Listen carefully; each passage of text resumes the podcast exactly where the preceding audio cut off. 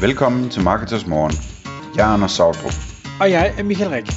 Det her er et kort podcast på cirka 10 minutter, hvor vi tager udgangspunkt i aktuelle tråde fra forumet på marketers.dk. På den måde kan du følge, hvad der rører sig inden for affiliate marketing og dermed online marketing generelt. Godmorgen, Anders. Godmorgen Michael. Inden vi trykkede på record i dag, der sad vi og øh, talte om, hvad hedder trillion egentlig på dansk, og vi blev enige om, at det hedder billioner. Altså 1000 milliarder må det være. Fordi du har fundet nogle tal, der øh, umiddelbart øh, siger, at 7 billioner dollars i virksomhedsværdier vil skifte hænder inden for de næste 15 år, tror jeg det var. Altså, og, og vi skal snakke, jeg hader det ord, men boomer virksomheder. ja. Jeg ved ikke, er vi boomers, eller er det vores forældre? Ja, øh, vores jeg forældre. tror, boomer, det, skæringsdatoen er vist folk, der er født en eller anden gang i midten af 60'erne eller ja, sådan noget. Okay. Um, så vi er 10 år for unge til at være boomers. Ja, for sådan. Okay. Men den, den øh, tekst, eller jeg tror, eller hvad det er, du er faldet over, hvad, hvad er det, den handler om? Ja, men det, det der er spændende her, det er, at, at øhm, der er boomer-generationen, som den kaldes med, med masser af kærlighed, ikke? Så vidt jeg forstår, så er det endda en stor øh, generation, altså der er mange, ikke? Jo. I forhold til, til de kommende generationer, øh, hvor folk jo holder op med at få børn, øh, mere eller mindre, ikke? Øh, og det, det, det, det betyder, at der er en masse mennesker, der har bygget en masse virksomheder, og øh, sidder som ejerledere i de her virksomheder, og nu inden for de næste, øh, hvad hedder det, 15 år, altså også fra nu af og, og frem, øh, skal på pension, og de ved ikke, hvad de skal stille op med de her virksomheder, fordi deres børn, øh, de børn, de nu har fået, øh, de har taget universitetsuddannelser og rejst ind til øh, storbyerne, eller flyttet til London eller New York eller et eller andet, ikke? Øhm, og, og det vil sige, at øhm, der er en masse virksomheder, som skal sælges, og der er ikke rigtig øh, så mange, der vil købe dem. Og grunden til, at der ikke er så mange, der vil købe dem, det er, at, øh, hvad hedder det, øh, vi, vi snakker om virksomheder, som koster øh, i det her, det her eksempel, altså jeg, jeg sidder jo bare og, og kloger mig ud fra, hvad jeg har lært fra nyhedsbrev og sådan noget, ikke? Øhm, men, men altså sådan en virksomhed, der koster under 10 millioner dollar, øh, så under 50-60 millioner kroner eller sådan noget. Øh, hvad hedder det? Øh, de, de tjener, øh, hvad hedder det? Øh, de, de er så store i, eller, eller koster så meget at købe, så de fleste private mennesker ikke rigtig kan, kan, kan gå ind og købe dem, selvom der skulle være en eller anden medarbejder i virksomheden, der gerne vil overtage den og arbejde videre med den og sådan noget. Så det er ligesom, det, det er for meget, det er urealistisk, ikke? Øhm, hvad hedder det, og samtidig så er prisen på den, sådan en virksomhed her for lav til, at institutionelle, altså private equity og, og lignende investorer er interesseret i det. De vil have noget større, hvis de skal bruge tid på at, at køre due diligence og købe noget og operere noget osv. Ikke?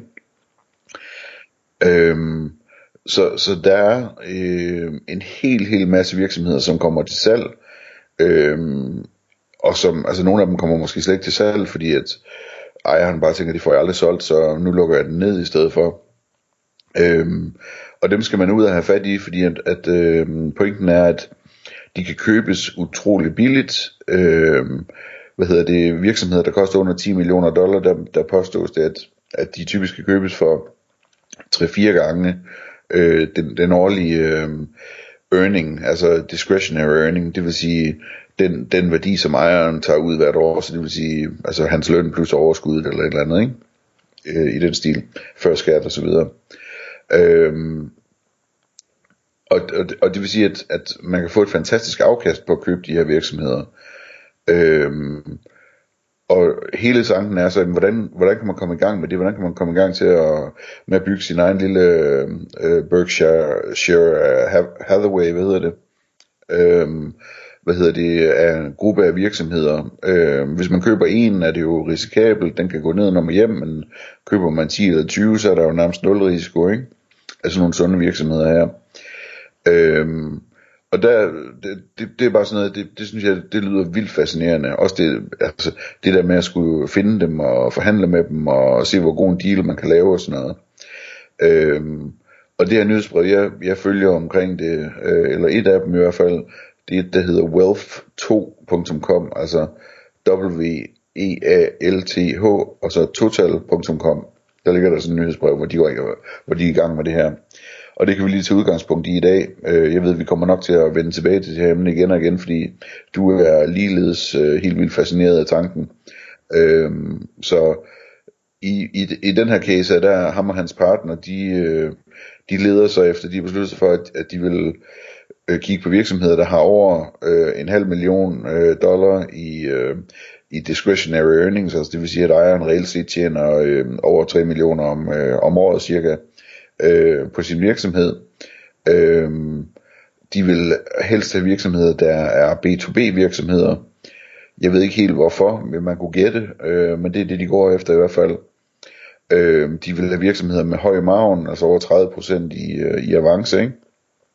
Øh, eller ikke i avance, i, hvad hedder det, i margen øh, på dansk? Ja, ja profitmargen, ja. Ja, profitmargen. Øh, og så skal ejeren være på vej på pension, og de vil helst have virksomheder, der ikke øh, har en masse aktiver. Øh, altså virksomheder med, med en lille overhead, ikke? Altså virksomheder, der, øh, der har en lille spinkel organisation, og ikke ejer en masse øh, produktionsmaskiner og alt muligt andet, ikke? Øhm, og så har de købt den første nu, som de har skrevet ud om, det er sådan en skiltebutik i USA, og den synes jeg, den er sjov lige sådan at, at præsentere, for det er et meget godt billede på, hvad de, hvad de gør. Øh, de endte med at betale øh, omkring en million dollar øh, nu, og 600.000 over de næste år. Øh, og ejeren skal så blive derovre og de næste få år og, og hjælpe dem videre. Øh, og det fascinerende ved, ved, ved den der altså butik, det er, at den tjener masser af penge. Øh, den har været i gang i 27 år. Den har sådan 30 faste store kunder, altså nogle bygherrer og sådan noget, ikke, som bygger kontorer og shopping malls og sådan noget, som kommer tilbage igen og igen og igen. De har aldrig nogensinde lavet marketing, øh, og det hele er papirbaseret, øh, i stedet for digitalt i, i det de gør. Øhm, og der har de så fået lov til at, at, at, at købe sig ind. Øhm, og tanken er selvfølgelig, at for det første er det en god investering, hvis bare det kan blive på samme niveau. Men hvad sker der, hvis vi sætter en, en uh, operator ind, en general manager, en CEO ind, øhm, og får gang i butikken, begynder at køre marketing, begynder at optimere på det her papir til digitalt, øh, hvad hedder det, måske hvis der er nogle gamle medarbejdere, der burde være skiftet ud, øh, får dem skiftet ud, øh, sådan den slags ting der, ikke? altså for, for, for at sætte gang i væksten i den her virksomhed lige pludselig, som den behagelige øh, tidligere ejerleder bare holdt sig fra, fordi han har tjent rigeligt med de penge, han gerne vil tjene, ikke? Øhm, så det, det synes jeg er vildt fascinerende. Så går jeg over og tænker på, hvordan, hvordan ville man gøre det, hvis man skulle gøre det. Øhm, og det var meget sjovt, at jeg talte sammen med, med, øh, med min advokat den anden dag om det, og han var klar på at lege med på det her, han ville også ind i det.